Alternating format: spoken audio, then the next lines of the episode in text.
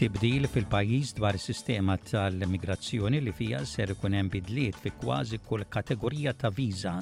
Il-Ministru tas-Saħħa Federali iħabbar bidliet fl-iskema tal-benefiċċji farmaċewtiċi tal-Gvern Federali U l-Oppożizzjoni Federali tgħid li l-inflazzjoni hija bla kontroll ma' l-ekonomija kollha fl-Awstralja. Insarmilkom dan huwa ġewwaxa bulettin ta' aħbarijiet miġbura mir-riżorsi tal-SBS.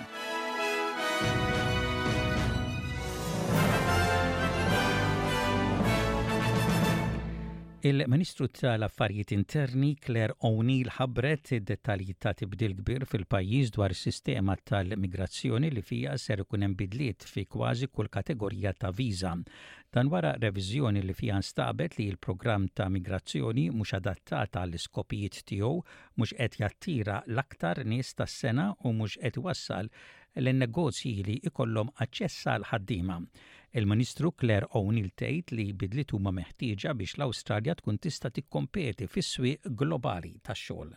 Our migration system is suffering from a decade of genuinely breathtaking neglect. It is broken, it is failing our businesses, it is failing migrants themselves, and most important of all, it is failing Australians. And that cannot continue. because we as a country face some big national challenges that migration can help us resolve. Our economy is stuck in a productivity rut, and Australians are suffering because of it. Migration can help us change that.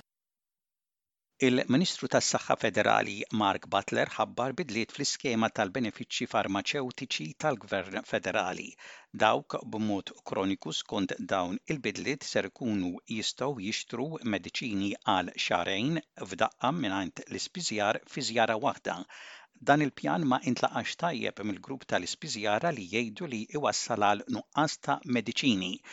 Il-Ministru jgħid li l-bidliet mistennija jibdew iseħħu parzjalment f'Settembru u ser ikunu ta' għajnuna għal ħafna nies li jgħixu b'mard kroniku. This will obviously involve much less inconvenience for patients, it will reduce pressure which we know is substantial on general practice and importantly it will halve the cost of those medicines for six million patients. L-Oppożizzjoni Federali tgħid li l-inflazzjoni hija bla kontroll ma' l-ekonomija kollha u l-Gvern Federali għad m'għandux pjan biex jikkontrollaha. Il-kelliemi tal-koalizzjoni għat-Teżor Angus Taylor jgħid li mod wieħed biex tkun ikkumbattuta r-rata tal-inflazzjoni ta' seba' fil-mija hija li l-Gvern jirranġa l-bilanċ tal-budget. Why does that matter so much? Because if the government is having to borrow more, that puts upward pressure on interest rates for all Australians. They are competing. The government is competing with Australian businesses and households to borrow money, and that puts upward pressure on interest rates and inflation. Um, uh, secondly, we, we need to see a budget that lowers taxes, not raising them. Il-President Amerikan Joe Biden ħabbar li ser ikun qiegħed jerġa' jitlob il-fiduċja tan-nies biex jerġa' jkun elett fit-tmexxija tal-White House biex fi kliemu jwettaq dak li beda f'dawn l-aħħar erba' snin. Huwa ħabbar dan fir-raba' anniversarju li kien ħabbar li se jikkontesta l-ewwel elezzjonijiet presidenzjali. Il-Viċi President Kamala Harris ukoll ħabbret li se terġa' tikkontesta. Biden li għandu 82 sena ser ikun qed jiffaċċja l-avversarju politiku tiegħu Donald Trump li ukoll kien esprima x-xewqa tiegħu li jikkontesta l-elezzjonijiet ta' l-2024. Il-Ministru tad-Difiża Richard Marles jgħid li l-Gvern qed iġedded id-direzzjoni strateġika tal-Awstralja għall-preparazzjoni ta' konflitti futuri potenzjali. Huwa jgħid ukoll li r-reklutaġġ u l-kapaċità tal-Forza tad-Difiża jibqgħu ta' sfida.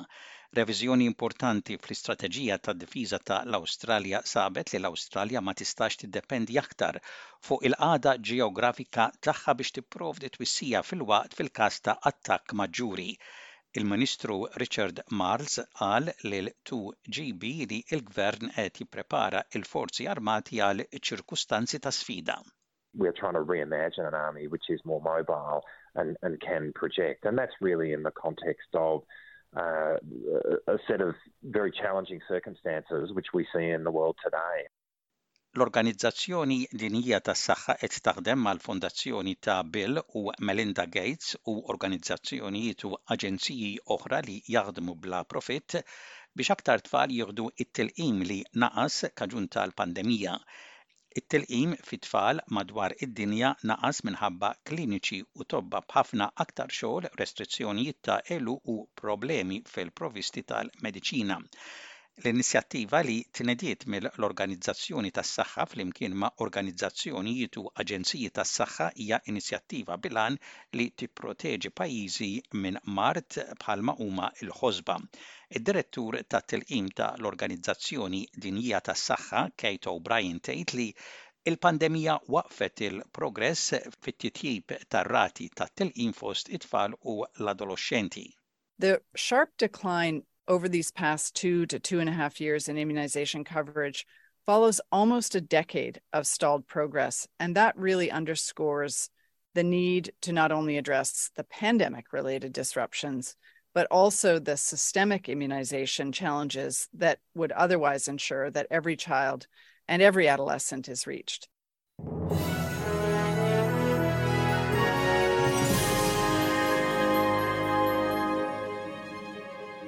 Fl-isport, b'gowl f'kull taqsima, Żabbar Saint Patrick saru r-raba' tim promoss għaċ-Challenge League meta l-Ħadd fis-Centenary Stadium għelbu lil Imġarr United bl-iskor ta' tnejn b'xejn. It-tim nazzjonali Malti ta' taħt is-sbatax il sena tal-water polo rebaħ l-unur ta' l-Atlas Atleta Żgħażagħ tax-xahar ta' Marzu. Din hija l-ħames darba li dan l-unur qed jingħata lil tim minflok atleta individwali u r-raba' darba lil tim nazzjonali tal-water polo. It-tim nazzjonali tal-waterpolo ta' taħt sbatax-il sena kkwalifika għall-fażi finali tal-Kampjonat tal-Ewropa li ser isir bejn it-tmienja u l-ħmistax ta' Awwissu f'Manisa fit-Turkija wara li rebaħ il-partiti kollha ta' Grupp D ta' kwalifikazzjoni. It-tim Malti għeleb lil Latvja 34 għal tlieta, lil Polonja 15 għal tlettax, lis-Slovakkja 12 għal ħamsa u r-Renju Unit 15 għal ħamsa.